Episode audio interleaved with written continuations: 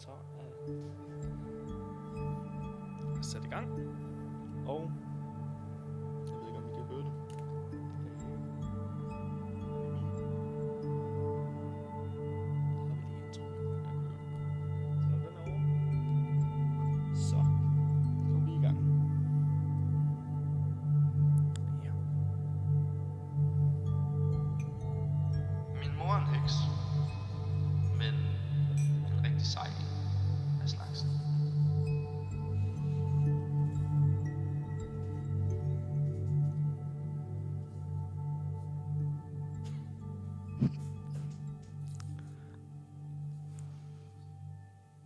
Du lytter til Min mor en heks, afsnit 10 live i Astrologihuset.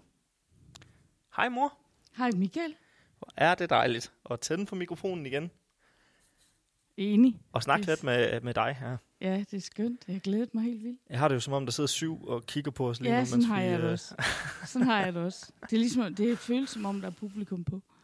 Og det er der heldigvis. Så. Det er der også. Hjertelig velkommen til jer alle sammen. Tusind tak, fordi I vil komme og støtte os lidt. Øhm, det, vi har lagt op til en rigtig hyggelig aften, synes vi, med spiritualiteten i fokus, hvor vi vil starte med øh, lidt small talk om et øjeblik. Øhm, så vil vi tage hul på øh, DSB'en. Vi skal have jer involveret. Vi skal have til at stemme på, hvilket tema vi skal igennem i aften, og det skal nok komme lidt mere ind på øh, lige om et øjeblik.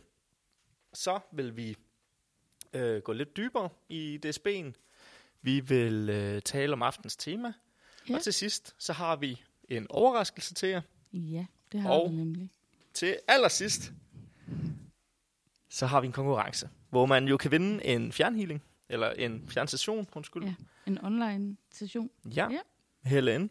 Yes. Og øh, ja, vi synes selv, det er faktisk en, en rigtig hyggelig aften, øh, og, og et godt program at lægge op til os. Ja. Øhm, Det er det. Vi har glædet os helt vildt, vil jeg sige. Vi har, vi har været også lidt nervøse for, hvordan det skal gå nu her. Og hvad med teknik og alt sådan noget. Men øh, vi tror, at øh, Vi har brugt meget krudt på at snakke om det derhjemme i hvert Ja. fald. det har vi. Mor, du har øh, for nyligt øh, ramt en milepæl. Jeps, en af de store, tror jeg. Både i øh, podcasten ved at runde 10 afsnit. Ja, vi har 10 afsnit i dag. Ja, Det er jo helt vildt. men du har faktisk også haft jubilæum. 25 år Jeps. som selvstændig og Ja.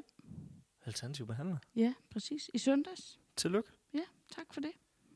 Det er jo, jeg, som, som lille iværksætter her, er det jo for mig øh, det, det vildeste, at du har 25 års jubilæum. Prøv at tænke, hvad?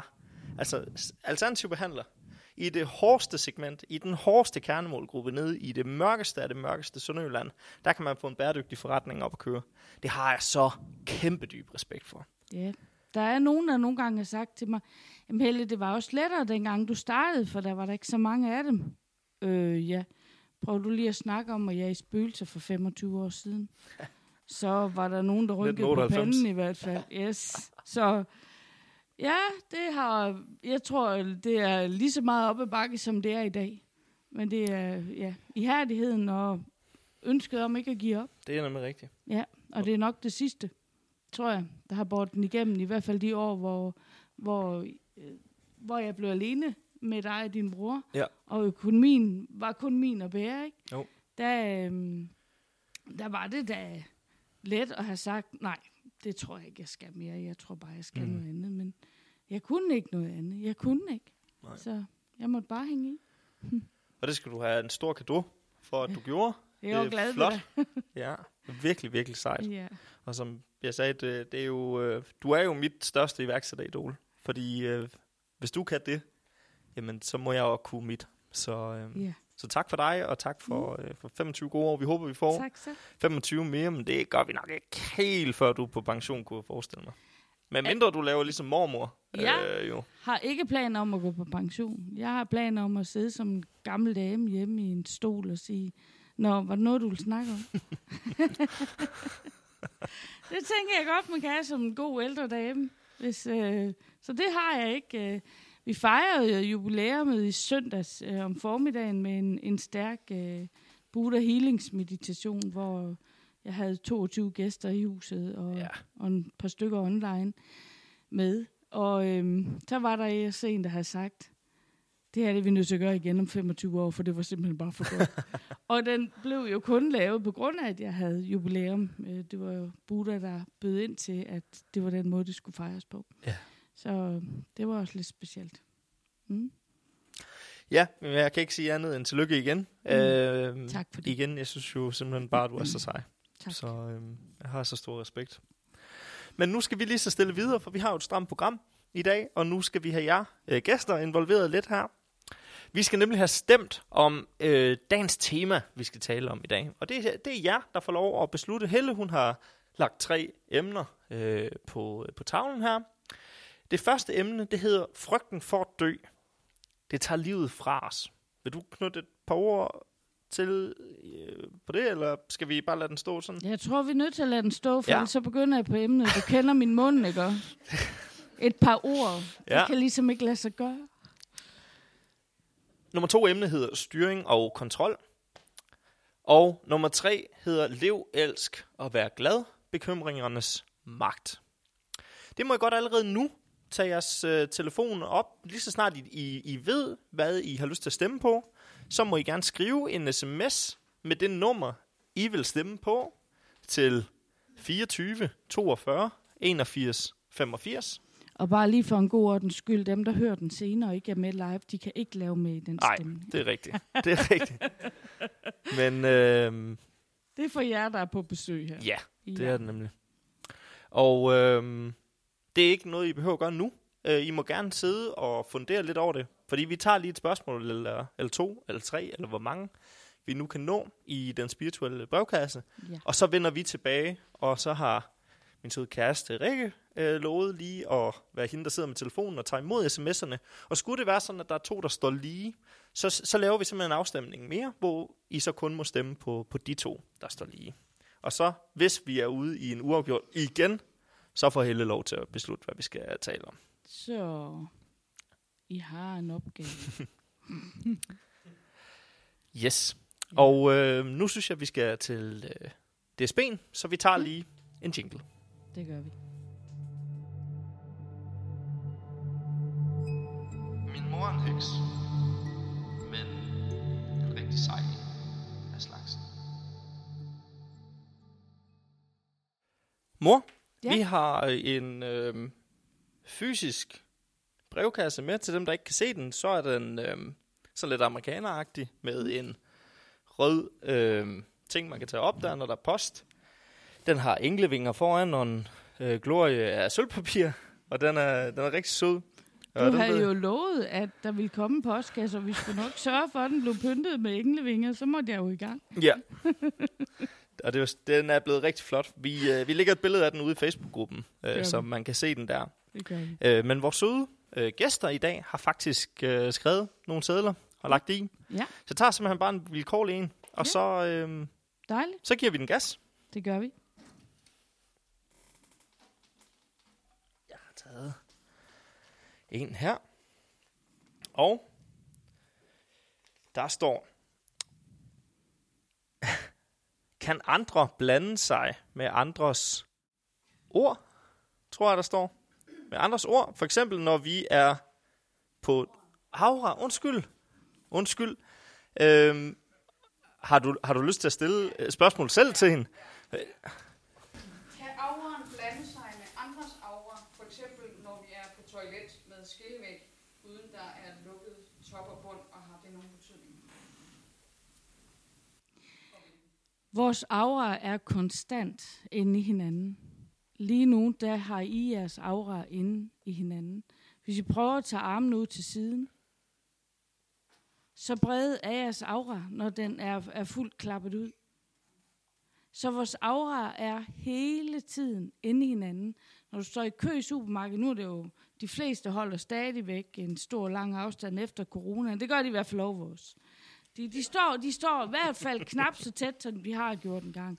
Og derfor, alt det, der hænger i vores aurafelt, øh, hvis, nu du, hvis nu det er en meget vred person, der har meget vrede hængende i sin aura, eller en, der har meget sygdom hængende i sit aurafelt, eller har været inde i, øh, i et øh, lokale, hvor der bare var rigtig ubehagelig energi, så hænger det i dit aurafelt, når du går derfra.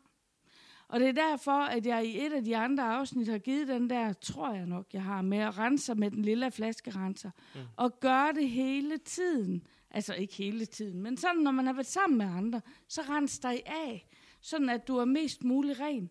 Fordi at auraerne, de blander sig ind i hinanden. Så ja, det er energi, det går igennem sådan en toiletvæg der.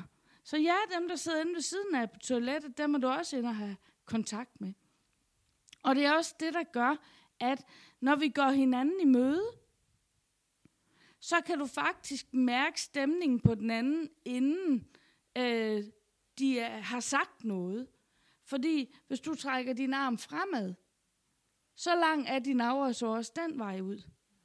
Så din aura rammer også de andre den vej, og de andres aura rammer dig helt derude også. Plus, at så har vi også sådan nogle følehorn, vi måske er lidt gode til, når vi er sensitive.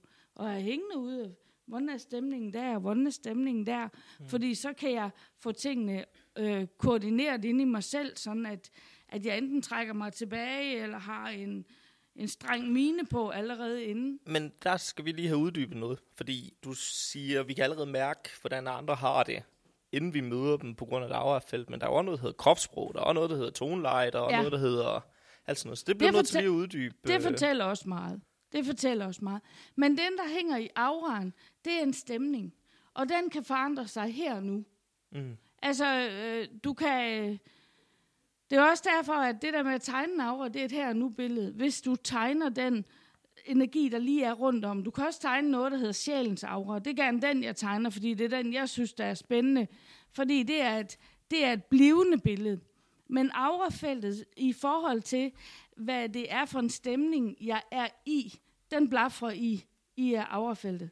Og hvis du så har en oplevelse, for eksempel, du er glad og godt tilpas, og så får du et rigtig ubehageligt øh, opkald, puff, så ændrer energien i din aura per omgående. Mm.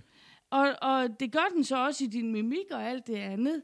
Men, men øhm, du kan simpelthen mærke stemningen i et andet menneske, også selvom du har lukket øjnene, hvis du bare står.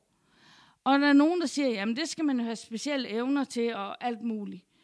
Men når jeg, dengang jeg havde min, øh, min healeruddannelse, der lavede jeg nogle, den allerførste gang, for de skulle have lov til at mærke energien. Det er altså ikke det første, jeg går i gang med sådan noget. Der synes jeg, der skal vi have kropssproget og alt det der kodet ind, fordi det fortæller så meget.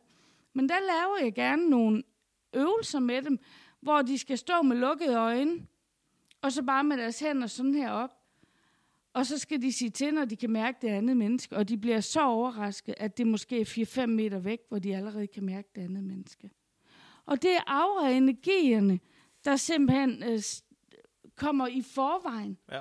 De kommer i forvejen. Så kan du læse en hel masse ud fra, hvordan øjnene ser ud. Men samtidig, det øjnene, de fortæller, det er måske bare, at jeg er generet. Mm. Det er ikke det samme som den der stemning, der er i et aurafelt. Jeg kan godt have, jeg kan godt lige have siddet og mediteret og bare virkelig være i alignment med mig selv. Jeg er virkelig godt tilpas. Men så skal jeg alligevel ind til en flok nye mennesker, jeg ikke kender. Men mit aurafelt er stadigvæk det der dejlige, lysende, bløde, blide. Men mit indre kan godt være sådan lidt, at, min, at jeg har sådan lidt en anden mimik med mig, end mit aurafelt, inden de siger mig. Mm.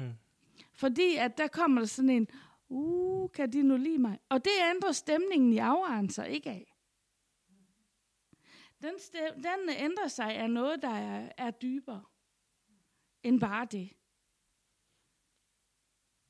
Ja, spørgsmål? Øh... Den der lille resten kunne det er egentlig bare at sige en lille, blid, forsigtig bøn, der hedder, jeg beder om at blive renset af den lille flaskerenser. Og det er sådan lidt en skør ting, men øh, jeg har tit sådan nogle... Det, vi kalder det simpelthen universets sillet bang. ja. Det er der... Øh, ja.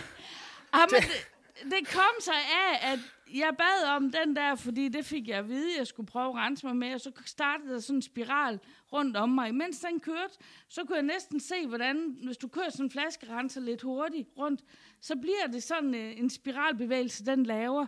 Og så kunne jeg simpelthen mærke, at hov, det var nærmest sådan en helt flaskerenser, det gik ind og rev tingene ud af mit aurafelt. Mm. Altså, den kører så stærkt, så det er nærmest som om den, den øh, altså ligesom en flaskerenser, der lige øh, kratter tingene af, når den rammer kanten ned i flasken. Altså, den blæser simpelthen tingene ud af dit aurafelt. Det er udenpå.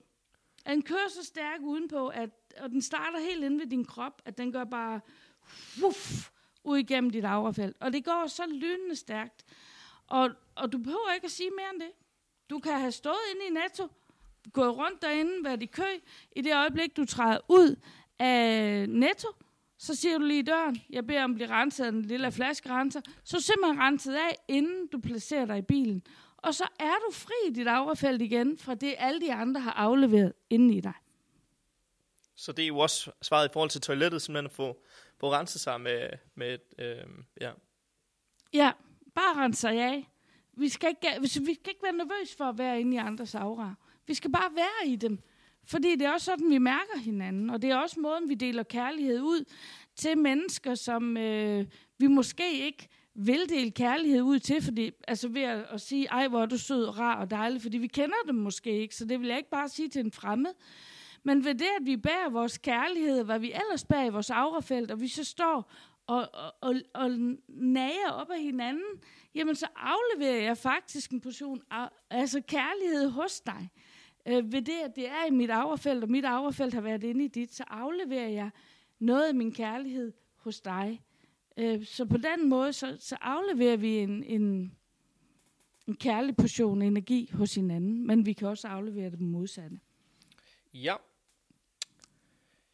Øhm, jeg, øhm, tak en anden seddel op, det så jeg sikkert godt lige før, og jeg lagde den lidt øh, lige til side. Jeg lægger den lige til side i første omgang, fordi det er faktisk et spørgsmål, vi har haft i et af podcast-afsnittene. Og derfor så tillader jeg mig lige at trække øh, en ny en, og vende tilbage til den, hvis vi øh, kommer tilbage, for det kan jo også godt være, at der er en, der føler, at vi ikke har uddybet den nok. Ja. Men jeg vil hellere lige prøve at tage fat i nogle nye spørgsmål, så det håber jeg øh, beklager til den person, der har skrevet det. Helle, er du altid enig med Michael, og det er ikke din søn, men skytsenglen? Og der vil jeg sige, det var godt, du ikke skrev det søn, fordi hun er altid enig med mig. Det, det er altid... Nej, det er rigtigt. Øhm, er du det? Med ærkeenglen Michael. Altså, vi diskuterer. Hvad kan det, I diskutere om? Ja, men det gør vi. Altså, jeg, jeg siger nogle gange, at øh, jeg godt skal lidt ud en gang imellem. Jeg, nogle gange så siger jeg til dem, at øh, det er ikke alle jer, der har prøvet at være i en fysisk krop. Så det, I beder os om at gennemgå, og det, I beder os om at udsætte os for, det skulle I prøve ned i en fysisk krop. Så du, Fordi- du har bedt Michael om at reinkarnere sig selv? Eller inkarnere sig selv ned Ja, for... det, det får vi ikke, for det er han for højt øh, op øh, Mm. i, i hierarkiet til.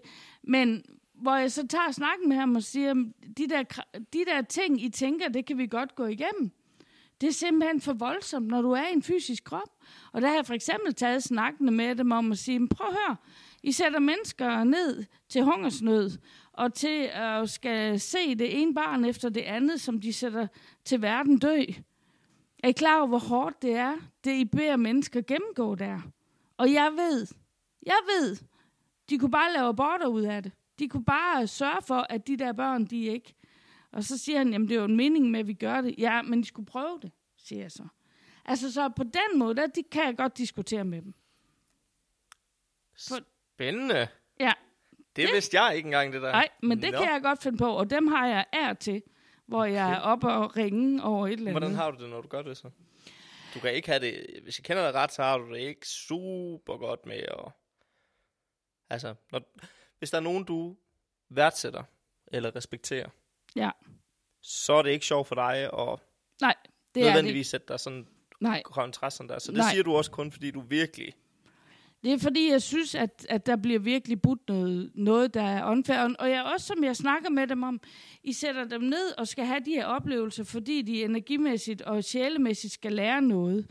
Og så siger jeg, ved du hvad, hvis du prøver at leve det der i en fysisk krop, så tror jeg faktisk, du sætter de sjæle bagud i deres udvikling, fordi at de skal først til at hele sig op efter de der kæmpe, kæmpe, kæmpe traumer, de får. Jeg tænker, at de skulle begynde at gøre tingene på en lidt anden måde.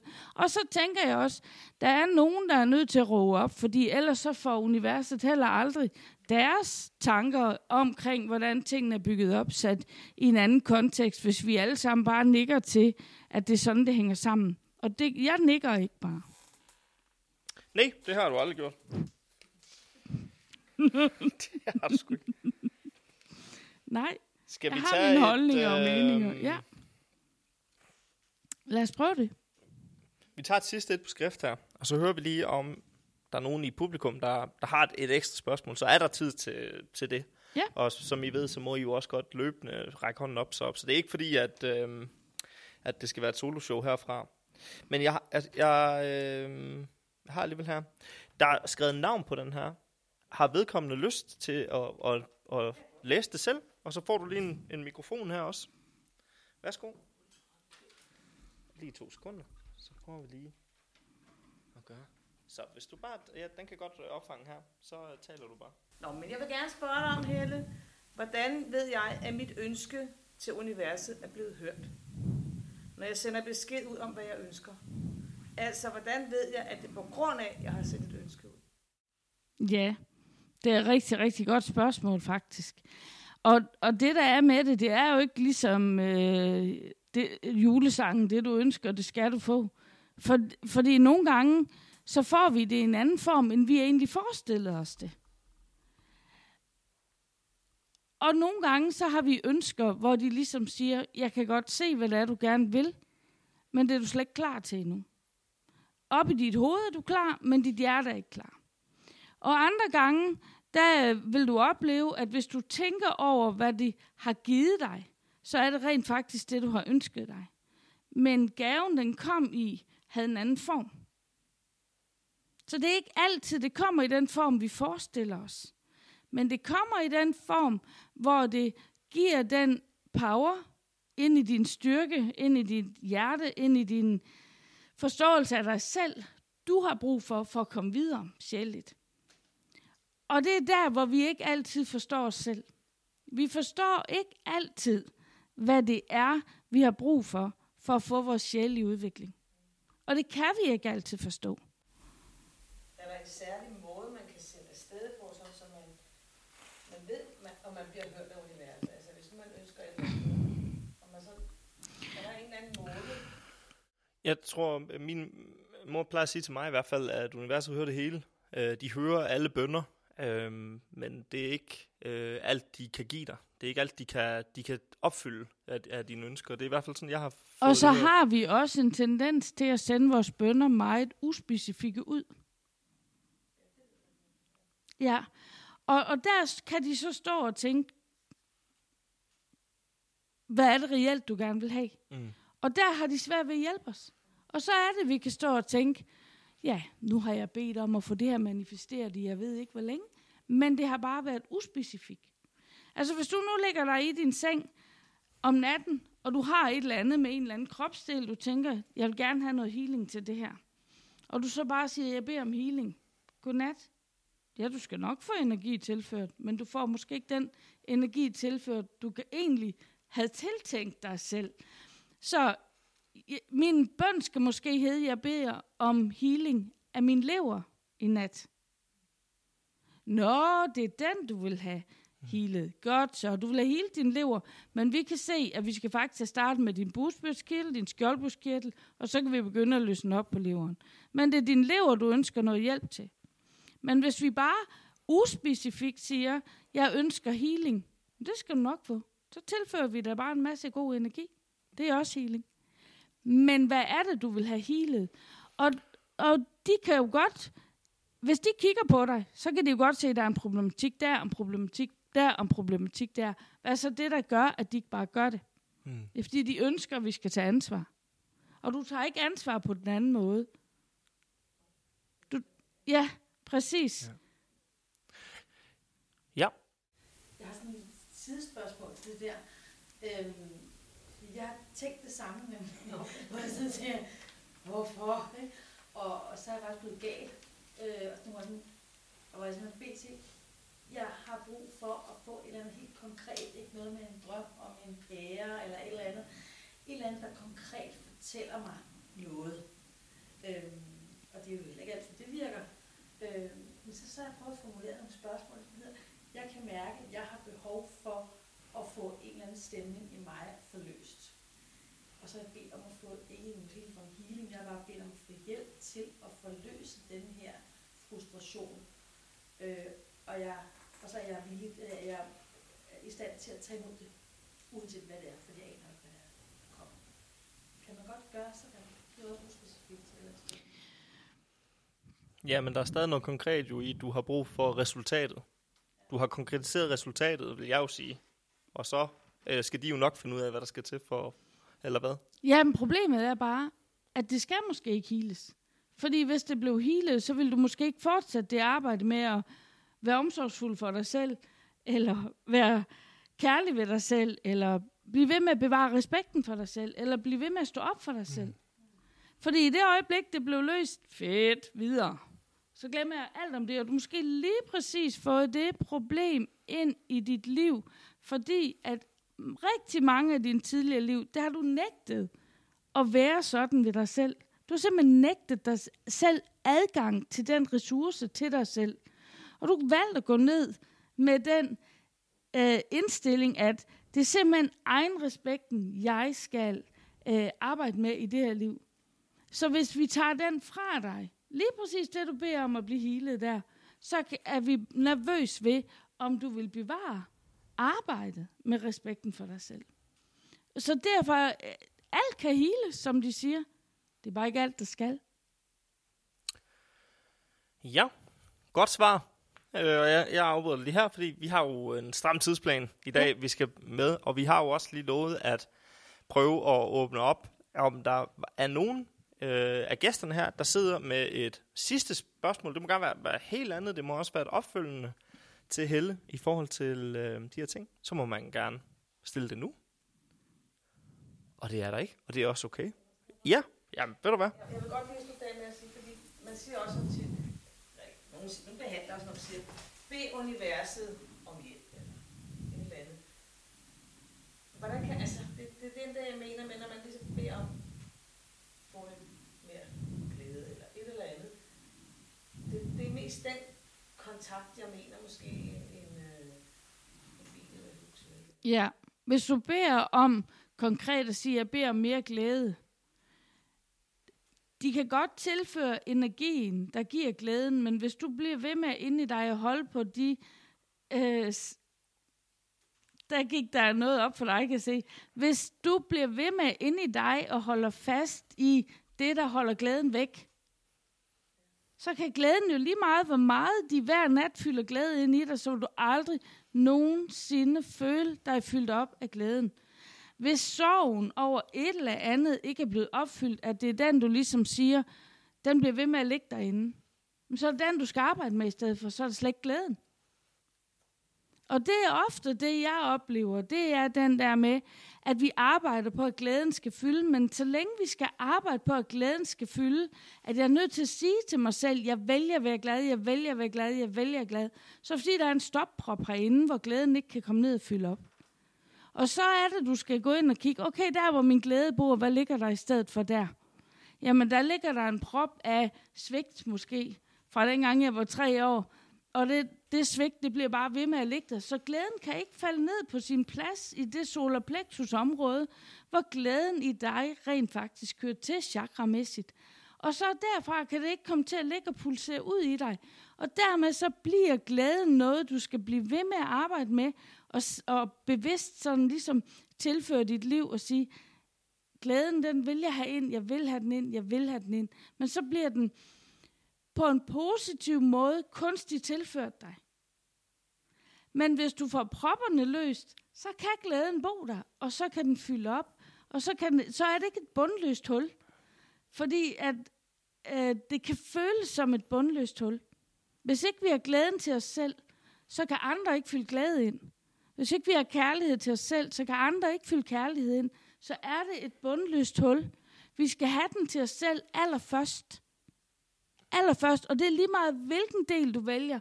Om det er respekt, anerkendelse, accept, glæde, kærlighed, whatever. Hvis ikke du har den til dig selv, så er det som at have et badekar, hvor du glemte at sætte proppen i. Og det vil sige, det der varme, lune bad, du regner med, du skal ud og have. Du har tændt for vandhanen, så kommer du ud, så tænker du, hvor er alt det vand henne? Nu har han stået og løbet her i kvarter. Jeg troede, det var helt fyldt op. Nu skulle ud og ligge og sop her. Der er ikke noget. Nej, for du glemte at sætte proppen i. Så elsk dig selv, før du elsker andre.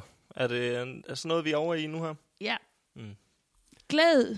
Glæd dig selv. Ja. For at du kan egentlig tage imod den glæde, andre giver. Og det er jo derfor, vi har fået det der afhængighedsforhold af hinanden. Du skal give mig noget. Jeg skal ud og være sammen med andre, for de skal give mig noget. De skal give mig noget glæde og noget kærlighed. De skal fylde mig op med respekt og anerkendelse. Åh, det er så dejligt, indtil jeg kommer til hjem og være bare med mig selv. Mm. Mm. Så synker jeg helt ned igen, og, og øh, der forsvandt den. Mm. Jeg havde det lige så godt. Hvad skete der? Så træder jeg ind af min gadedør af mig selv, og så puff, så er det helt væk igen, ikke? Ja. Og så, det er fordi, jeg mangler at fylde mig selv op. Ja.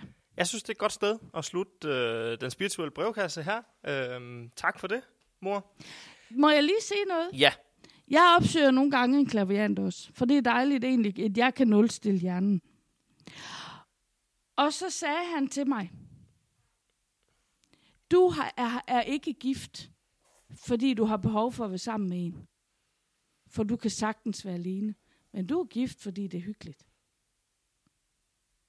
Så tænkte jeg, okay, det var da også en anden måde at sige det på.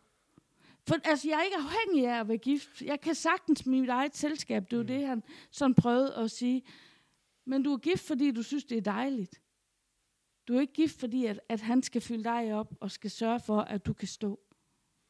Og det var egentlig det, var egentlig det jeg siger der. Mm. Og det vil sige, så den, på den måde bliver et ægteskab også en helt anden proces så at være i. Fordi at, så bliver det ikke symbiose, og det bliver ikke afhængighed. Og det er jo det, vi helst ikke skal have til hinanden. Fordi jeg skal have symbiosen med mig selv. At jeg er spundet ind i mig selv. Og så alt det, de andre det kan tilføre, det er bare luksus og overskud og... Øh. Se, det var et godt sted at slutte den spirituelle brevkasse. Tak for det, mor. Vi tager lige en jingle, og så er vi klar til øh, afstemning om aftens tema. Min mor er en heks, men en rigtig sej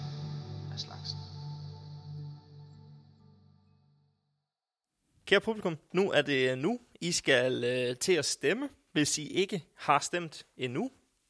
Øh, er der nogen, der ikke har stemt, så må man godt lige række hånden op. Fantastisk. For dem, der øh, ikke sidder her i lokalet og lytter til afsnittet lige nu, så gentager jeg lige de her tre øh, temaer, Helle hun har øh, sat på, øh, på tavlen bag mig. Nummer et, det er frygten for at dø. Det tager livet fra os. Nummer to, det er styring og kontrol. Og nummer tre er lev, elsk, vær glad, bekymringernes magt. Og øh, Rikke, har vi en vinder? Nummer tre. Okay. Ja. Så øh, vi skal simpelthen tale om lev, elsk, vær glad og bekymringernes magt. Præcis. Jamen, øh, fortæl og øh, gør os klogere, så ved du, at djævelens advokat, han skal nok øh, melde ind, når han... Øh, Jeg troede ikke, han var taget med til København han er altid med. Ja. Lev, elsker, være vær glad. Det er jo et motto og et tema, jeg har sagt i, jeg ved ikke hvor mange år til mine klienter, når der var et eller andet. Så jeg meget brugt den frase der. Lev, elsker, være vær glad. Så på et tidspunkt, så får jeg det skrevet ned under hinanden. Og så tager jeg de første tre bogstaver. L, E, G. Så står der leg. Ikke? Lev, elsk og vær glad. Leg. Slip alle de der bekymringer. Og så leg. Lev, elsk og vær glad. Bekymringer har en kæmpe magt i os. Helt vildt stor magt. Og de dræner os. Og det de gør, især når vi bekymrer os for andre, så er det faktisk ikke kærlighed, vi sender til dem. Det tror vi. Vi synes, nu skal vi sende noget kærlighed til dig, for jeg er vældig bekymret for dig. Så sender jeg kærligheden afsted, infiltreret i bekymring. Jeg vil sige, det du sender afsted til mig, hvis der er noget omkring mig, du er bekymret for, så er det ikke din kærlighed, jeg modtager. Så er det bekymringsvibrationen, der rent faktisk rammer mig. Og ved I hvad, lige der, der har jeg faktisk nok af det selv. Så jeg har ikke også brug for din. Kan I følge mig? Ja. Så når du sender den her kærlighed afsted, den her kærlighedsvibration afsted, uden at bekymre dig, så er det, at det menneske kan begynde at omsætte den her vibration, der kommer ind i deres egen bekymring, til noget glæde og noget følelse af at være elsket. I stedet for at føle, at åh oh ja, nu er jeg igennem det her, og det gør faktisk, at dem rundt omkring mig, de går af drøn bekymret. Selvfølgelig må vi være bekymrede, når der er nogen, vi elsker, der gennemgår noget. Selvfølgelig må vi være det. Men det handler lidt om at prøve at flytte bekymringen ud, og så kigge lidt på, hvad lærer det menneske rent faktisk af det, mennesket gennemgår. Ja, ja. Øh, fair nok. Men øh, ja, du ved, jeg har haft en situation i dag, hvor jeg sidder mm. og siger, okay, hvad Mm. anden skal lige lære det her? Ja. Altså, der, der er jo også Ja. nogle tidspunkter, hvor vi ikke bare kan sige, Nå, men det her, det skal jeg ikke bekymre mig om, så nu Nej. lægger jeg det her væk. Der er heller ikke noget tidspunkt, hvor vi nødvendigvis bare lige kan lægge en tanke i en, i en skuff øh, langt væk. Øhm, så, så bare lev bekymringsfrit, så lever du Det- godt liv. Det sagde jeg ikke. Nej, okay. Det sagde jeg ikke. Jeg sagde, at vi har lov til at bekymre os. Men vi skal huske, at når der er nogen, der er bekymret og ikke har det godt, så skal jeg ikke sende min bekymring oveni afsted til dig. Nej. Der skal jeg sende min kærlighed. Og der er jeg nødt til at flytte min bekymring et andet sted hen. Og så kan jeg godt lide at bruge den der og kigge og sige, hallo, han må skulle lære noget. Michael lige nu må skulle lære noget af det der. Og så er jeg sikker på, at når den læring går igennem til dig, og du har forstået læringen, så har du oplevet noget smukt. Men ikke lige nu. Der er det den hårde bane derudad. Men når du er igennem det, så er der opstået noget smukt. Og det vil jeg gerne støtte dig i. Og ved den måde, jeg bedst kan støtte dig i, det er at være til stede med min kærlighed, og ikke med min bekymring. Jeg ved, at du kommer til at lande på fødderne, og det ved jeg, når andre gennemgår noget. Jeg ved, de kommer til at lande på fødderne. Hvis der er nogen, der er alvorligt syge og skal dø af det der, så er det jo rent faktisk min sorg over, at jeg skal undvære dem. Det er faktisk den, der står i vejen for at elske Ja, for det, rigtig ofte. det var også det næste, jeg så vil sige. Tror du ikke, der er mange, der egentlig opfatter bekymring som, altså at jeg sender bekymring afsted, men de tror faktisk, de sender kærlighed afsted. Jo. Det, der er jo også det der med, at vi kan ikke have bekymring for nogen, vi ikke elsker. Så de ligger jo også enormt op af hinanden. Altså naboen, jeg knap kender, der, der er det rigtig, rigtig svært at have bekymring for. Fordi jeg kender dem jo ikke. Jeg kan godt se, hold da op, der sker der ting derovre, som måske ikke er så sjove. Det kan jeg da godt se. Men jeg er jo ikke involveret i, hvad de, hvad de gennemgår. Så på den måde, der, der, er jeg ikke, der er jeg jo ikke til stede med min bekymring eller min kærlighed. Men jeg kan sende lys afsted til dem og tænke, må det bedste ske for jer. Mm. Og det tror jeg er meget mere sundt, at vi gør det for dem, der gennemgår noget, der ikke har det godt, af vores kære. At vi ligesom siger, den der bekymring, den dør jeg selv af os. Jeg dør af at bære den. Fordi at min glæde bliver mindre. Min livsudfoldelse bliver mindre. Fordi der er en anden, der gennemgår noget. Og det er jo heller ikke fair. Det er jo heller ikke fair, at hvis der er nogen, der gennemgår noget, så skal mit liv gå ned på halv kraft i den periode. Nej, det er det ikke. Men det kan jo være, at man simpelthen føler sig næsten handlingslammet, fordi at det kan fylde så meget. Øhm, har sygdom i familien, eller hvis man er ved at miste øh, noget, man har kæmpet for i, i, i lang tid. Ikke? Ja. Det, det kan jo sagtens være, en, Præcis. at man simpelthen føler, at man næsten psykisk sådan bliver, bliver lagt en stopklods på, eller en, Ja. en, en, en ekstra vægt. Men den stopklods behøver jo ikke lande på mig, fordi den lander på dig eller på en tredje, jeg kender. Nej, det er selvfølgelig rigtigt. Og det tror jeg er rigtig vigtigt, at vi øver os i at gøre mindre. Mm.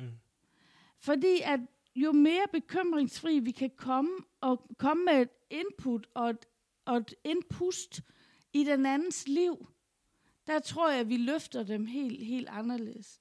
Altså hvis jeg nu kom drøn bekymret hjem til min far, der har Parkinson og til tider virkelig, virkelig har det dårligt, så er jeg ikke noget pust og glæde ind i hans liv. Nej. Så er jeg jo det modsatte. Når jeg er gået, så har jeg bare øh, ført øh, elendighed ind til det, han i forvejen føler. Men ved det, jeg forsøger at komme derud bekymringsfri og tænker, jamen, han er igennem det her, og det må vi støtte ham i. Men jeg nægter at, at være bekymret over det. Jeg vil hellere komme med min glæde og min kærlighed, og så være der for ham med den. Mm. Og der kan jeg jo se, at der lever han op. Han lever op. Og ja, han kan enig. lige pludselig rejse sig og gå med sin rollator, i stedet for at sidde i kørestolen.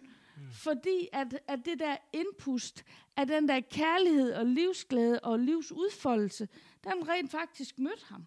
Mm. Men hvis jeg nu var kommet hjem, og det er jo set de gange, hvor jeg sådan ligesom har tænkt, um, nu har han også faldet og har slået sig, nu må jeg heller lige trøste ham lidt, har æger ham lidt på håret og på kinden og siger, ej, det er da også træls for dig.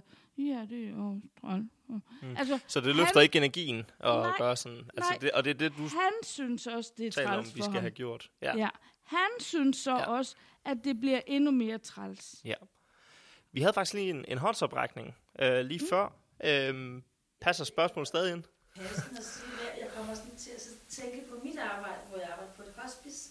Netop hvor de pårørende er bekymrede, og, og den syge er bekymret også, ikke? Og, og bekymret for, at de pårørende har det skidt. Så når de kommer ud hos os, så bliver der taget en masse bekymringer fra dem, og fra de pårørende også. Og så kan den syge slappe af. Og det er lidt det der, ikke? ligesom om så højner de deres frekvenser, i stedet for at bekymre sig sådan, jeg synes, det var, ja, Ja, men det er jo også det er, Ja. Det er jo et godt input, og Ja. det er også, hvad, altså jeg sidder der i hvert fald og tænker, det var lidt det, vi sluttede af med at snakke om det her, med at, at løfte energien, i stedet for at holde den nede.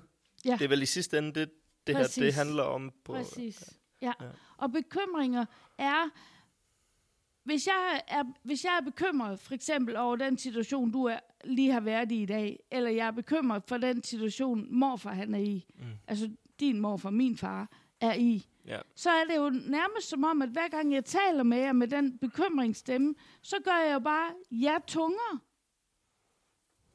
Fordi at I kan mærke min bekymring også oven i jeres egen. I stedet for, at I kan mærke min, det her, det er øv, men vi skal igennem det. Mm. Altså, at, at jeg kommer med, en, jeg kommer med et løft og ligesom siger, prøv at høre, det her, der er ikke nogen, der er døde af det, jeg er helt sikker på, det kommer vi også igennem. Så hvad gør vi? Ja. Hvis jeg kommer med den indgangsvinkel i stedet for, og siger, det her, det, det her, det er træls, det kan jeg godt se, men jeg er helt sikker på, at det får vi også løftet. Så bliver det ikke bekymringerne, der får magt, men så bliver det det at leve, det at elske og det at være glad, der får magten. Fordi så kan jeg være fri mm. sammen med dig. Jeg kan være fri sammen med dig. Ja. Og du kan være mere fri sammen med mig. Fordi at du ved, du kan sige det, du har brug for at sige, uden at jeg så går hjem og har monster ondt i min mave. Vi, vi havde en markering fra, fra publikum lige før, og, men inden øh, det spørgsmål, så vil jeg bare lige opfølge lige hurtigt, inden jeg glemmer øh, øh, mit nemlig, fordi det kan jo være, der sidder nogen derude og synes, ja, jeg kan godt se din pointe, mm. jeg kan godt følge dig i det, du siger, Ja. og det ville da også være dejligt, hvis jeg kunne rive mig selv ud af den her, mm. man har næsten lyst til at sige øh, mørkeblå aura, der ligger rundt om mig, og, og igen sadness fra, fra øh, øh, den der film med følelser. David, hvad er det nu, den hedder? Inderst inden? Ja, lige præcis. Øh, og ja, grund til, at vi øh, siger det, det er, fordi vi synes, mor, hun ligner øh, øh, hende nemlig. Hun har sådan nogle kæmpe briller, og sådan helt sådan stille ud ned, nemlig. Og det er nogle gange, så mor, hun kan godt øh, ligne lidt her. Nej, men øh, det, det var bare mig, der fjoller her. Det, det, er jo slet, det er jo faktisk dybt seriøst. Men Ja. tilbage, hvis der er nu nogen, der sidder, de er måske ikke så meget inde i alt det her. og vil faktisk rigtig gerne hive sig selv ud der, hvor det mm. ikke nemmere bliver, nærm, hvor det ikke længere bliver bekymringer til sig selv, men man løfter sig selv ud. Hvad, hvad, er dit, hvad er dit tip? Er det meditation, vi skal ud i? Er det en session med dig? Er, For er, det første, det gør vi ikke ved at knipse med fingrene. Vi, be- vi gør ikke bare det her ved at knipse med fingrene. Det gør vi ved at øve os. Og jeg kan det ikke fra første færd. Men jeg kan begynde at sige til mig selv, jeg vil prøve at have en anden tilgang, når jeg går derind. Jeg vil prøve at sige til mig selv, ved hvad, nu skal jeg ud til en, der ikke har det godt. Men bekymringen for, at de ikke har det godt, jeg, for, jeg går hen og åbner en skuffe, så siger jeg, nu ligger min bekymring her. Og så prøver jeg at tage sted med kærlighed. Mm. Altså, at vi bevidst gør op i mit hoved, hvad er det, jeg tager med, når jeg tager nogle steder hen. Tager jeg ud til min far og er drønt bekymret? Eller tager jeg ud og siger, jamen, Parkinson, den går jo bare sin gang. Jeg kan hverken gå til eller fra. Så på den måde vil jeg ikke bekymre mig. Jeg vil bare gerne være der for ham, og jeg vil bare gerne elske ham. Mm. Og så vil jeg gerne skubbe et, et uh, portion uh, glæde og grin ind i hans liv, så han stadigvæk synes, der er noget livsværdi. I stedet for at komme med bekymring, for det hjælper ham ikke. Og så, lader jeg, så siger jeg til mig selv, hvis der er nogen, der skal bekymre sig, så er det, hvis der sker noget, at så tager der en sygeplejerske eller noget andet over, og så må de tage de bekymringer og få det der til at fungere igen. Mm. Men jeg som omsorgsperson rundt om ham, jeg vil ikke komme med bekymring. Men det er, det er sådan noget, jeg har besluttet på et tidspunkt. Og så har jeg øvet mig i det. Og jeg synes faktisk, efterhånden, jeg blev ret god til det. At være i det, der er. Og ligesom sige, ja, men nu har jeg jo lige haft 25 års jubilæum. Men jeg har øvet mig på det her, siden jeg var 25. Så jeg har øvet mig i, 50, i 30 år. Mm. For jeg er 55 nu. Jeg startede med at gå i mine terapier, da jeg var i begyndelsen af 20'erne. Og lærte de der filosofier. Hvordan kunne jeg gøre tingene lettere for mig? Fordi jeg er et meget sensitivt menneske. Det har altid været. Så mavepine har været noget, jeg har båret på rigtig meget. På egne vegne og på andres vegne. Og jeg skal lige love for at bære mavepine på andres vegne. Det er bekymringernes magt. Fordi jeg får det skidt. Og så sidder vi lige pludselig to, der har det skidt. Og hjælper det nogen noget? Jeg tager jo intet fra dig, ved at jeg sidder med en mavepine også. Jeg tager intet fra min far, ved at sidde med en mavepine, når jeg er ude ved ham. Jamen altså, at djævelens advokat øh, hviler Og- sin sag, vil jeg bare sige. Og, det, og det, jeg er enig. det, det, det skal du også. Men, men, det, men ja, du skal være djævelens advokat, det er det, jeg Nå, mener. okay. Men Og du skal fandme også være enig med mig, at du nej, det skal du ikke. har På ingen mit måde. kød og blod. ja, det er det. Nej, men øh, mor, vi skal lige, du skal til at runde af lige så stille Ja. nu, for vi har faktisk lige et spørgsmål til det, vi sidder Ja. og snakker om, og så skal vi nemlig... Men vi skal øh, bare øve os. Og så skal vi lade være banke os selv i hovedet, hver gang det ikke lige lykkes, sådan som jeg troede, jeg kunne gøre det. Ja. Tak. Du ræk... I forhold til det, du siger med, hvad det til andre og være bekymret og sådan ting, så ville jeg umiddelbart føle, at jeg var ligeglad. Hvis ikke jeg kunne, kunne komme hen og ligesom være i, ikke i den stemning, men, men, men omsorg måske, eller hvad, hvad man nu kan kalde Du kan sagtens være empatisk. Selvom du øh, ikke har bekymring. Jeg synes, jeg var ligeglad. Men Mm. mm. du sidder der og har ondt eller ked i dit liv, eller du skal dø, eller mm. hvad det nu er, ikke? Mm. Men nu skal du høre, nu skal vi holde fest. Ah, det, altså, Du behøver jo ikke komme med den attitude. men jeg, jeg vil føle, at jeg så ligesom ikke mødte mennesket rigtigt, hvis, Ja. hvis det var sådan. Men Ja. Jeg, kan godt Men der, der er en forskel på at føle ind i dem. Og hvis du føler ind i dem, så tager du fordi deres følelser ind i dig. Og du kan vælge at føle, føle med dem. Og de vil føle dig sig meget elsket, når du føler med dem. Fordi der er du ægte til stede. Hvis du føler ind, så tager du deres følelser og deres bekymringer og alle deres sorger ind i din krop. Og så kan du ikke være ægte til stede. For det magter du ikke. Fordi så kan du lige pludselig mærke, hvordan de har det. Så den der forskel på at føle med og føle ind, det for mig er hele opskriften. Og det har det været i mange år. Jeg føler med. Jeg føler ikke ind. Fordi det ødelægger mig. Og det giver mig mavepine. Og det giver ikke bare mig mavepine det øjeblik, jeg sidder sammen med dig. Det gør det i lang tid efter. Fordi jeg har taget dine følelser ind i mig. Og jeg tror ikke, der er nogen mennesker, der kender mig, der har det skidt, og jeg er til stede hos dem, der ikke føler, at jeg bare er der. Og jeg bare er der sammen med dem. Men jeg har ikke taget det ind i mig. Ja, det er for mig forskellen. Jeg har set sådan øh, ud af øjenkrogen her, sådan anerkendende nik, sådan løbende i, øh, under den her samtale her. Jeg, jeg tror, de fleste, de, de forstår øh, dit budskab, og, øh, og, og, og delvist øh, forhåbentlig øh, er enige. Øh, det behøver vi ikke at være. nej, det gør vi Det her ikke, det er men min øh, hjerne. Det her det er min krøllede hjerne. det er din virkelighed. Det er jo det, Ja, hele det er det. podcasten handler om at få Ja. ud. Ikke? Men jeg synes, det var et godt øh, tema. Så Ja. tak til publikum for at stemme det her ind, og, og at vi fik øh, snakket om det her. Ja. Så lev, elsk og vær glad. Præcis. Vi tager lige en jingle, mor. Så er vi øh, tilbage med en lille overraskelse til Det publikum. er vi nemlig. Min mor er en heks, rigtig sej af slagsen. Mor, vi har øh, lovet publikum en lille overraskelse i Ja. dagens anledning. Det havde vi nemlig. Og øh, jeg ved faktisk ikke helt, hvordan jeg skal præsentere det her. Nej. Øhm, jeg vil præsentere det som noget utroligt dejligt. Noget, øh, jeg øh, personligt har været rigtig, rigtig glad for i mit liv. Øh, noget, jeg er meget taknemmelig for, at du har givet mig også. Ja.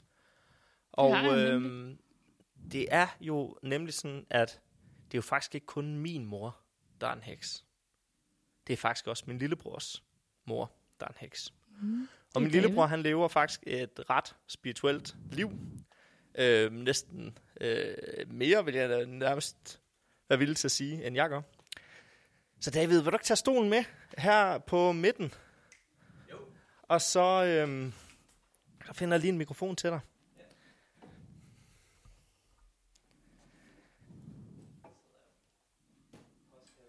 Ja. Værsgo. Surprise. Goddag. Hej David, Hej, velkommen David. til. Velkommen. Hej, hej. Ja, tak, tak. Og det dejligt at, at lave debut. Ja, Vi havde jo lovet på et tidspunkt i en af de første afsnit, at du også skulle være med på et tidspunkt. ja, Ja. Mm. det er det. Må, må jeg starte med at adressere noget fra, fra tidligere episoder, der blev sagt om mig? Ja, det må du i hvert fald. Det er fordi, jeg tror det faktisk endda det var første episode, der blev der snakket om en, en vis kursusmand, øh, hvis navn hedder Gerhard, og det ved jeg faktisk godt. Og det var mor, der vist lige kom til at sige, at jeg ikke vidste, hvad han hed. Det er bare fordi, jeg synes, det er skide sjovt at kalde ham øh, kursusmanden i stedet for. Nå, Så kære Gerhard derude, jeg kan godt dit navn. Øh, det var egentlig bare det, jeg ville sige, så han ikke tror, at jeg går og kalder ham kursusmanden, uden at vide, hvem Ej, det var godt, er. vi fik det på Ja, det plads. var meget vigtigt. ja, ja. Godt. Meget vigtigt. Jamen, øhm, David, vil du ikke, øhm, vil du ikke prøve at starte med at præsentere dig selv, både for dem, der sidder her i, i salen. Det kan være, at der er nogle af dem, der kender dig i forvejen jo lidt. De må så lige bagover med, at han sidder og laver lidt ananas i egen juice her jo. og ellers, øh, og så når du har fortalt lidt om, hvem du er og hvad du laver, øh, så prøv at fortælle lidt om, øh, hvor, hvad, hvad er spiritualitet for dig, og hvordan fylder det i, i dit liv? Ja, jamen, øh, dags. Øh, mit navn det er David, og jeg er 21 år lige nu. Øh, jeg går på MGK i Sønderborg, som står for musikalsk grundkursus. Øh, og ja, det, jeg er sanger på MGK, øh, studerer rytmisk musik, og, og jeg drømmer om at komme på konservatoriet lige om lidt. Og drømmer egentlig, øh, har den der rockstjerne-drøm i maven, så, så det, det er den, jeg prøver at udfylde lige nu. Øh, ja. Øh, og hvad var det? Guld, guldfisken plejer vi at kalde ham, det kan jeg godt høre, ikke om? øhm, om hvad spiritualitet er for dig, Yes. og, og hvordan spiritualitet fylder i, i din dagligdag. Ja. Øh, interessant øh, spørgsmål. Øh, jeg som musiker øh, er faktisk meget, meget i kontakt med min spiritualitet, har jeg lyst til at sige. Øh, jeg er ikke sådan en typen, der snakker alt for højt om den, men jeg, jeg kunne faktisk godt lide, meget godt lide det, du sagde i starten med, at, at, at jamen, hvis der er en, der siger et eller andet med, jamen, altså, hvad, hvad, hvordan med din mor, og hvad med dig, og sådan noget, jamen, så kan jeg egentlig godt øh, begynde at, at, at sådan åbne lidt op for det, men, men det er ikke noget, der sådan skal definere mig, Nej. når folk møder mig. Øh, det, det går jeg, går jeg lidt op i. Det gør øh, I meget det samme, ja. ja. tænker jeg. Præcis. Begge ja, to. ab- absolut. Ja. Øh, jeg, jeg taler jo også kun om det, når folk har, har spurgt ind til det. Nu, nu har jeg så åbenbart en podcast, hvor jeg blærer mig lidt med det, ikke? om, men ellers så... Øh, nej, men, men øh, ja, det er rigtigt. Ja. Øh, men hvordan bruger jeg spiritualitet i min dagligdag? Øh, altså, hvis man, hvis man definerer en spiritualitet som healing, eller øh, som meditation og sådan noget, jamen, så bruger jeg det ikke så meget. Men, men, men jeg bruger det meget til at hjælpe mig med at træffe de valg, øh, som jeg møder i mit liv. Øh, jeg bruger det meget til at forstå den omverden, jeg er i. Øh, og mor har altid været rigtig god til at forklare mig, så tingene virkede logisk. Øh, det kunne være, hvis da jeg var helt, helt, helt lille, så en mand med, med su på, på maven, og sagde, hvorfor ser han sådan ud? Og så sagde, var mor meget hurtigt til at sige, "Men det, det, det er ikke så sjovt at have det sådan, og sådan nogle ting. Så øh, Sagde du sul på maven? er lidt su på maven. Nå, okay. En stiv på maven. Nej, men, men øh, ja, øh, det var lige et sidespor, tror jeg. Men, men, men spiritualitet er for mig øh, en dybere kontakt med sig selv. Øhm, en slags accept af, at det er okay. Øh, ikke altid at forstå alting, men ligesom at, at være, være i en rytme, være i et flow, og øh, altså leve livet øh, i nuet, og være til stede i de oplevelser, man har. Øh, ja. Jeg, jeg tror, det... Mm. Ja. Øh, og det er det er en dejlig øh, formulering, David. Der er, det, er, det er helt roligt. Det er så fint, det, du sidder. Jeg kan se, at du er lidt smånervøs. Det skal ja. du ikke være. Hvordan har det været for dig at have en mor, der laver det, mor hun laver? Det har altid været mega dejligt. Øhm, som selv lidt spirituel øh, personlighed, øh, altid vokset op med også at, at kunne fornemme ting, kunne se ting, kunne høre ting. Øh, det har altid været, været dejligt, at, at mor hun har kunne, kunne bekræfte mig i de ting, jeg så måske øh, forklare mig lidt om, hvad det var, jeg oplevede, og, og, og også forklare mig lidt om, jamen, altså, hvordan man skal håndtere alle de ting, man, man oplever og møder. At man ikke bare skal kaste det hele ud i hovedet på folk, men at man også skal huske at holde det inde i sig selv, og, og bruge det konstruktivt med sig selv, fordi det er ikke alting, som, som folk de har brug for at høre, som man selv modtager. -agtigt. Øhm, Mm. men, men at vokse op med mor har været, været en, en kæmpe fornøjelse, fordi øh, jeg tror, jeg har sluppet for mange bekymringer i livet. Altså, fordi at, at jeg, jeg, jeg føler ikke endnu, at jeg har kunne stille mor et spørgsmål, medmindre det var et matematikspørgsmål, eller et eller andet, som hun ikke har kunne svare på. øh, Mm. det er sagt med kærlighed. Jeg ved det. Jeg ved det. ja. Så øh, det har været, været en, en kæmpe fornøjelse at vokse op i et, i et hus med mor. Øh, Mm. Og det ved jeg, du også synes selv. Ja, det, øh, der er sgu ikke så meget at sige til det. Altså, jeg Vi kan er jo jyder, godt... skal I huske på. Så, så, Ja, så Jeg det, er, kan- det er rigtig dejligt øh, oversat for mig. Jo. jeg kan jo godt uh, sidde her som mor og være nysgerrig på, hvordan, uh, altså, hvad, hvad det er for et fællesskab, I har haft omkring det uh, at være, altså, at være, du har jo også mærket meget, da du var yngre, Michael. Uh, du var ikke ret gammel, da du kom hylen, skrigen ud af dit værelse, som en stukken gris, jeg ved ikke hvad, fordi der stod en mand derinde og brølte dig i hovedet. Så du oplevede jo også ting og sager, ikke? Altså, så øh, der er det jo, altså der er der jo et fællesskab øh, for jer. Altså, I har været heldige at have hinanden på en eller anden måde. Absolut. I den grad. Øhm, ja. Øhm.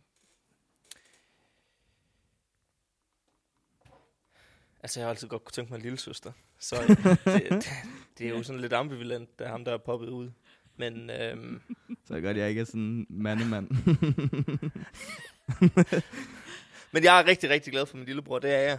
Jeg vil ikke sige, det er spiritualiteten, der har bundet os sammen og, og har givet os det bånd og det fællesskab, vi har haft. Det, det, det vil jeg nok nærmere sige var musikken, øhm, der virkelig har betydet rigtig meget for mig, Davids bånd.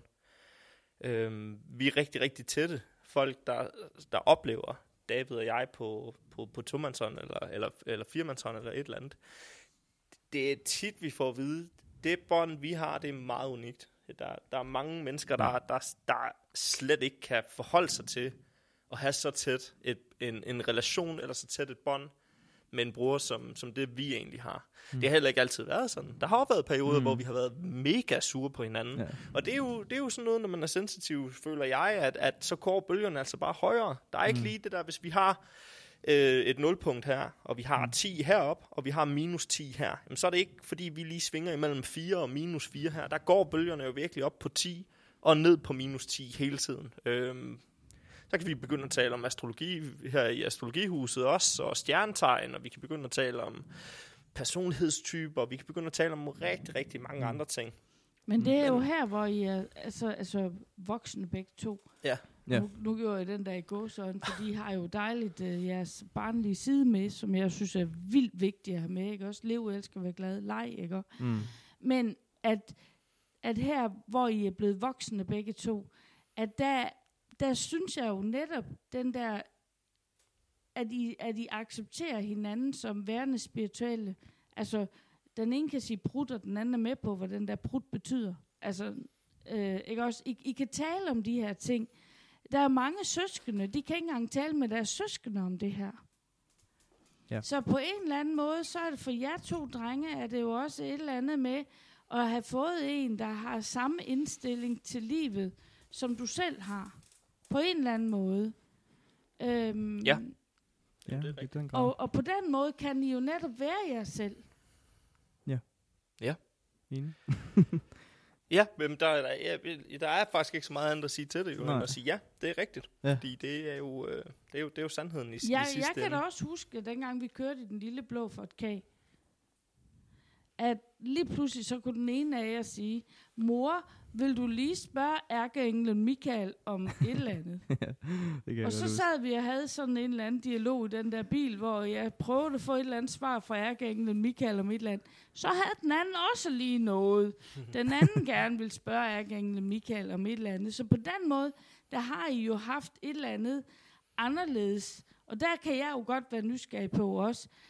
Altså, I har jo også skulle gå i skole, og så have hende der, den der mor, der lavede alt det der mærkelige. Ja, hvad siger du øh, om den del? Har du hørt for det? Øh, I skolen? Ja. Jamen, i, i, i skolen, der var jeg altid, øh, øh, især i folkeskolen, der var jeg ham, folk vidste, mus, folk vidste godt, at, at der foregik nogle ting i vores hjem, og, og at, Det er at, ikke underretninger, han snakker om her. Det er... nej, nej, nej, nej, nej, nej, nej. nej, men, men der, der foregik ligesom nogle, nogle underlige ting i vores hjem. Det var lidt mere okay at snakke om, altså, øh, de ting, som er svære at sætte ord på derhjemme, tror jeg, end, end i mange hjem. Og, og jeg, var lidt, jeg havde lidt svært ved at styre min spiritualitet. Øh, øh, min, min meget sådan øh, direkte spiritualitet i de unge år. Jeg kan huske, at øh, jeg gik i...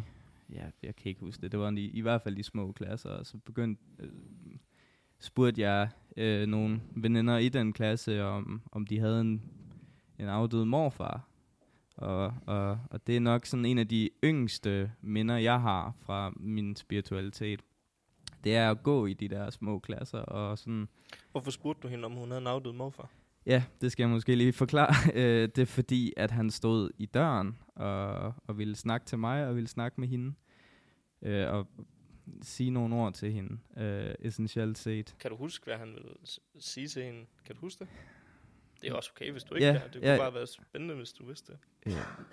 Jeg vil sige, det er nok i hvert fald anden eller tredje klasse, men, men jeg, jeg tror bare, at han, han, han lige så stille vinkede til hende og, Mm. og sagde, at han havde det godt, øh, af det jeg kan huske. Øh, fordi jeg tror, hun var meget bekymret og havde, havde lidt mavepine øh, over at have mistet ham, for jeg kan huske, hun var meget glad for sin bedstefar. Sin morfar, tror jeg, det var dengang. Ja. Så, så jeg husker det som, at, at han, han egentlig bare lige vinkede og sagde, jamen, jamen jeg har det godt. Mm. Øh, og, og det sagde jeg så til hende, og jeg kan også godt huske, at hun øh, ville gerne begynde at snakke med ham igennem mig, og, og ville gerne stille ham rigtig mange spørgsmål, men, men, øh, men jeg kunne mærke, at, at, at det var ikke noget, han var særlig interesseret i. Han ville bare lige sige, Han ville bare have lidt ro i på. maven. Han vil lige hilse Moin. på, ja. Ja, Øh, tag nogle noter med på vejen, og så derfra Ja. igen. ja, så, præcis. Ja. så, så, men men jeg, jeg synes aldrig, jeg har haft ubehagelige oplevelser i, i min folkeskole. Øhm, jeg ved ikke, hvorfor, men jeg gik simpelthen på, af en eller anden årsag på en årgang, hvor, hvor folk havde det okay med, at jeg var sådan. øh, og, og det lyder bare så mærkeligt at sige, når jeg tænker tilbage på Nej, det, fordi det jeg har det godt nok... Det, sagt jeg har jo sagt det samme, da mor spurgte mig om det. Jeg synes heller ikke, jeg har nogensinde har oplevet Mm, den der røde hest, som hun snakker om, der går rundt i byen og så videre. Det har aldrig været min opfattelse. mm, Øh, Vi elsker dig rigtig, rigtig højt, og vi øh, er super stolte, og har altid været super stolte af det, du laver, og den du er.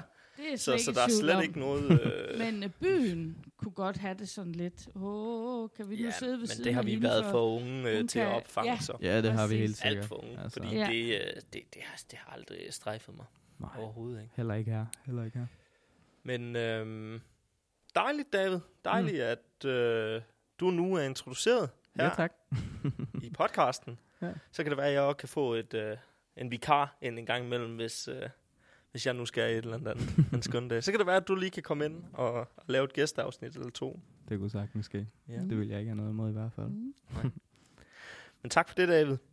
Vi skal lige stille til at runde af.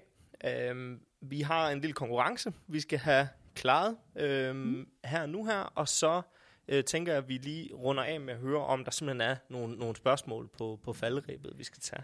Og inden vi Ja. lige gør det, må jeg så lige overtage værtsrollen i et sekund. Det må du. Okay. Øh, kære publikum, vi er ikke så mange, men kan vi ikke lige give Michael en kæmpe stor klapsalve for alle de timer, han ligger i at redigere det her program, og fordi at han kom på det her program, og fordi at han egentlig er en rigtig kerne øh, personlighed i at øh, komme på de idéer, der skal snakkes om, og er en pissegod djævelens advokat. Skal vi ikke lige give Michael en kæmpe hånd? Ja, tak. Det er også sødt af jer. Tak for det, og tak, David. Det er Ja, det er meget værdsat. Ja. Mm. Det ved jeg ikke, om I ved. Jeg ved ikke, om jeg har fået det nævnt her. Men hele årsagen til, at jeg jo sidder og gør sådan noget her, det er, at jeg, er simpelthen så taknemmelig for, at min mor altid har været der for mig. Jeg har heller ikke været noget nemt, nemt barn øh, i- igennem mine år, føler jeg. Min mor har jo siddet og i, i tidligere afsnit og snakket om, at hun ikke føler, at hun har været den bedste mor over for os. Øhm, jeg har ikke følt, at jeg har været den bedste søn i, i, i store dele af mit liv over for min mor. Jeg vil ikke sige, at jeg kompenserer for det her, for det gør jeg ikke. Men jeg har på en eller anden måde prøvet at lede efter et sted, hvor jeg kan hjælpe min mor med at komme ud til flere, eller i hvert fald hjælpe hende med at komme på nogle nye kanaler, som hun måske ikke kunne selv. Og der er podcastmediet jo faktisk rigtig godt. Øh, Radio 4 er, mm. bliver vi spillet på nu, og begynder faktisk at få en, en rigtig flot lytterskare. Nu har vi, kan vi også krydse, at vi har lavet det her live af, mm. så det synes jeg er rigtig flot. Ja. Øhm, men det kan jo også kun lade sig gøre, fordi at, at folk de rent faktisk lytter med. Så det, i sidste ende så er det jer, vi skal sidde og klappe af. Så tak for det. Mm. Men nu har vi Mhm. altså en konkurrence, vi skal Ja. have, have løst Yes. her. Og det er jo en øh, healing-session med, med Helen. Værdi 999 kroner. Inden I kom ind, der øh, valgte vi, at under en af jeres stole skulle der lægges et papir. Og jeg øh, gik og mærkede de forskellige stole, og jeg var, jeg kunne mærke, at der var en speciel stol, den skulle sidde på. Og så måtte det jo ligesom være op til universet at få den rigtige person til at sætte sig der. Ja. Ja. Det er jo sådan, det fungerer, den verden der. Heldig Så nu må I få lov at prøve at mærke under jeres stol, om I kan mærke et lille stykke papir.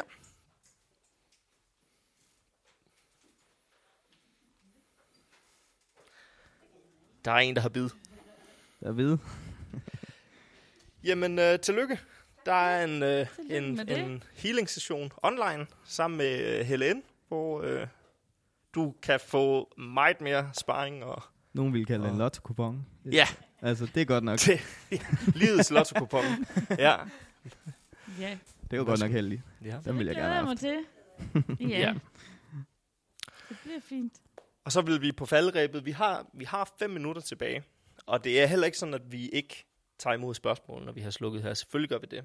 Men hvis der er nogen, der sidder og har et spørgsmål, som de ikke har noget imod, kommer med i podcasten, er der nogen, der kunne tænke sig at spørge om et eller andet lige på faldrebet?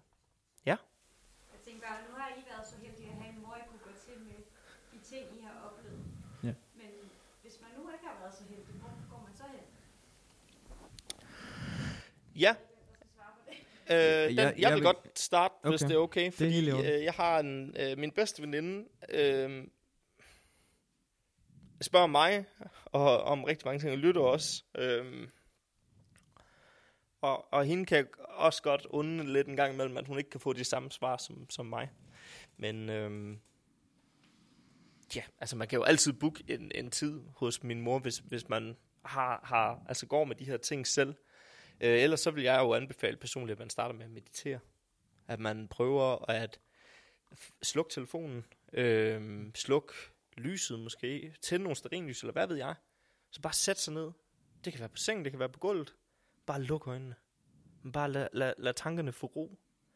Øhm, men ja, det, det er hårdt. Det, det tror jeg, det er, og det kan jeg mærke på rigtig mange mennesker. Det er jo også derfor, at, at jeg har øh, oplevet, og det er jeg helt sikker på, at David han også har oplevet, at hver eneste gang, vi har lukket op for spiritualitet, så, altså, så, som at prikke hul på en byld hos nogle mennesker, altså, så fosser det bare ud med spørgsmål, og de har ja. Simpelthen så mange ting, de gerne vil have spurgt om, Mm. men de har ikke haft nogen at spørge dem om før nu. Øhm, så man må altid komme til mig, David, og stille spørgsmål. Man må også altid stille det i den spirituelle brevkasse, og man må altid øhm, skrive til, til min mor, eller booke en session, eller deltage i, i de meditationer, du laver, eller noget som helst. Bare fordi du er, er vores mor, så er det ikke, fordi vi har indret på din spiritualitet, jo. Nej, I den grad. Heldigvis. det er jeg ikke. Det har jeg jo ikke engang selv. Og det var ikke for at afbryde, David. Nej, det er helt okay. Men øh, det, det jeg bare vil sige, det er, at øh, jeg har også gået og tænkt rigtig meget over det her.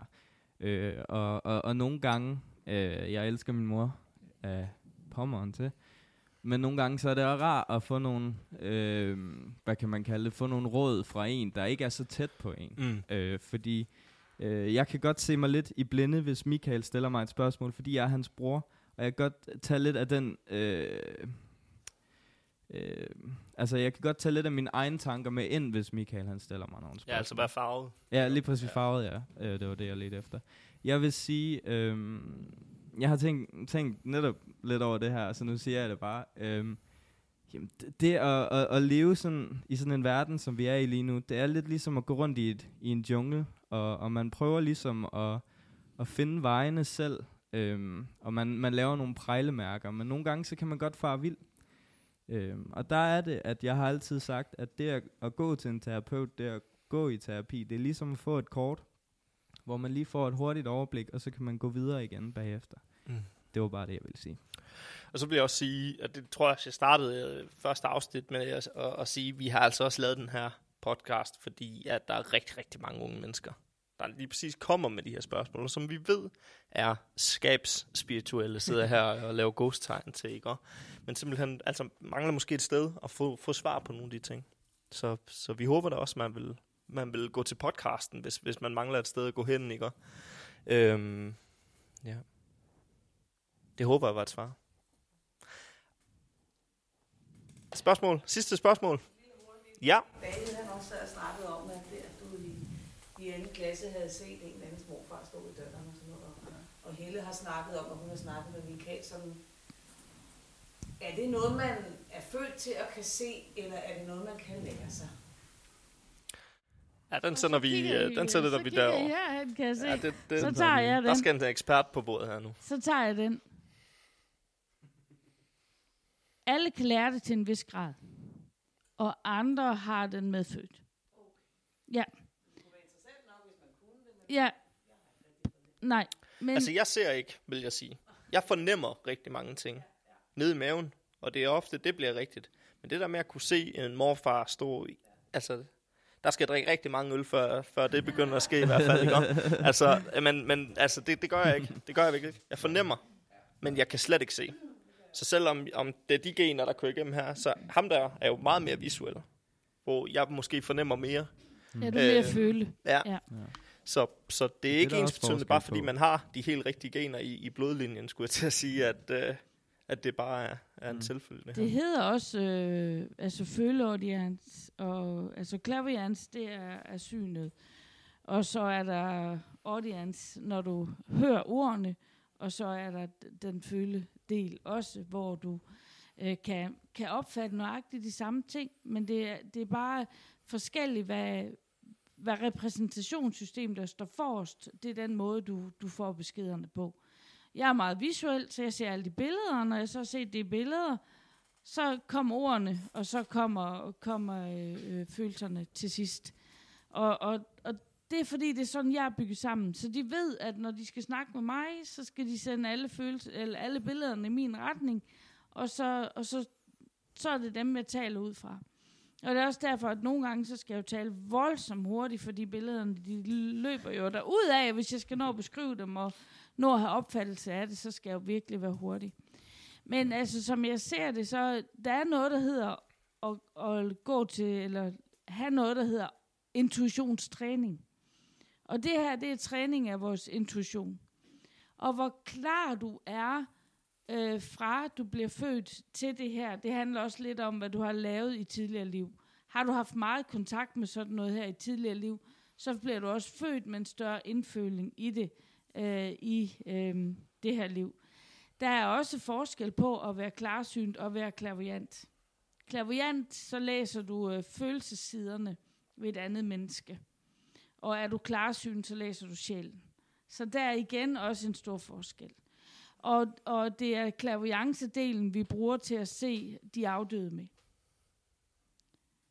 Øh, men det, det, øh, det, det kan du, altså du kan gå på kursus og lære sådan nogle ting, og så er det nogen, der bare, hvor man tænker, øj, det kan de bare meget bedre end jeg. Jamen, du ved jo ikke, hvad de har med i tidligere liv. De har måske været sporkone i et tidligere liv, der har siddet og kigget ind i krystalkuglen, og, og derved så genopfrisker de egentlig bare, hvad de har kunnet, og andre er der, hvor jeg skal først til at ture også lukke op til, at den sandtræn faktisk øh, ikke er farlig. Mm. Ja. Fordi at når vi først begynder at kigge derud, så skal vi også ture og håndtere de svar, der kan komme. Ikke? Så, mm. så sjælen skal også være klar. Sjælen skal også være klar. Ja, ja, det vil jeg sige, det er helt sikkert derfor, jeg ikke kan se, for jeg vil skide i bukserne, hvis jeg lige begynder at se alt det, min mor hun kan, kan se. Så der, der er også noget med at være klar. Det er helt sikkert. Altså også når, også når, altså når da jeg havde helt, uh, helhedsiluddannelsen, så lærte jeg også mine elever at, og, og tjekke tidligere liv ud for, for klienterne, fordi dem skulle de hele. Men de får ikke lov til at opleve kraftigere traumer fra tidligere liv, end det de selv er klar til at, at håndtere og stå og kigge på. Og jeg kan godt se, at, at de traumer, jeg ser, kontra dem, de så, der er, de, der er de nybegyndere, jeg har været i gamet i mange år. Det kan jeg godt se, fordi at jeg kunne sidde og læse den samme sjæl, og de sad ved siden af, jeg så noget, der var virkelig, virkelig dramatisk voldsomt, og de så noget, der var sådan mindre, mindre voldsomt. Fordi de skal jo lige ture os og stå med ansvaret. Øhm, men jeg tænker bare, nå ja, det er jo dig, der har været det igennem, det er ikke mig. Altså, der er jeg totalt... Igen den der, jeg, jeg er måske sådan lidt cool med sådan nogle ting. Nå, men det er jo jer, der er igennem det, det er jo ikke mig. Og det er ikke, fordi det ikke rører mig, fordi det gør det. Jeg kan godt se igennem noget. Ja. ja at de igennem noget der, men, men det er jo ikke mig. Så hvad, hvorfor skal jeg have ondt i maven over det? Mm. Men derfor er jeg her alligevel. Derfor er jeg her alligevel. Ja, tak for det, mor. Ja, tak. Vi, øh, vi runder lige så stille af nu. Øh, her i Astrologihuset i København. Vi skal øh, retur til Jylland. Det skal øh, vi nemlig. Og øh, vi glæder os til lige at have den sidste halve time, hvor vi lige kan gå og hyggesnakke lidt med, med publikum her i dag. Ja, det er. Så øh, Mange tak, tak fordi I kom. kommet. Virkelig, tusind tak for det. Sjovt og Og øh, tak til dig, David, for at du lige øh, hoppede herind. Selv tak. Og øh, tak til dig, mor. Ja, tak selv, Michael. Det er jo... Den ligger jo hos dig, alt det her. Mm. Jeg snakker jo bare. Det gør vi alt. Det gør vi gerne. ha' det godt. Vi snakkes ved. Vi snakkes ved. Hej hej. Hej hej.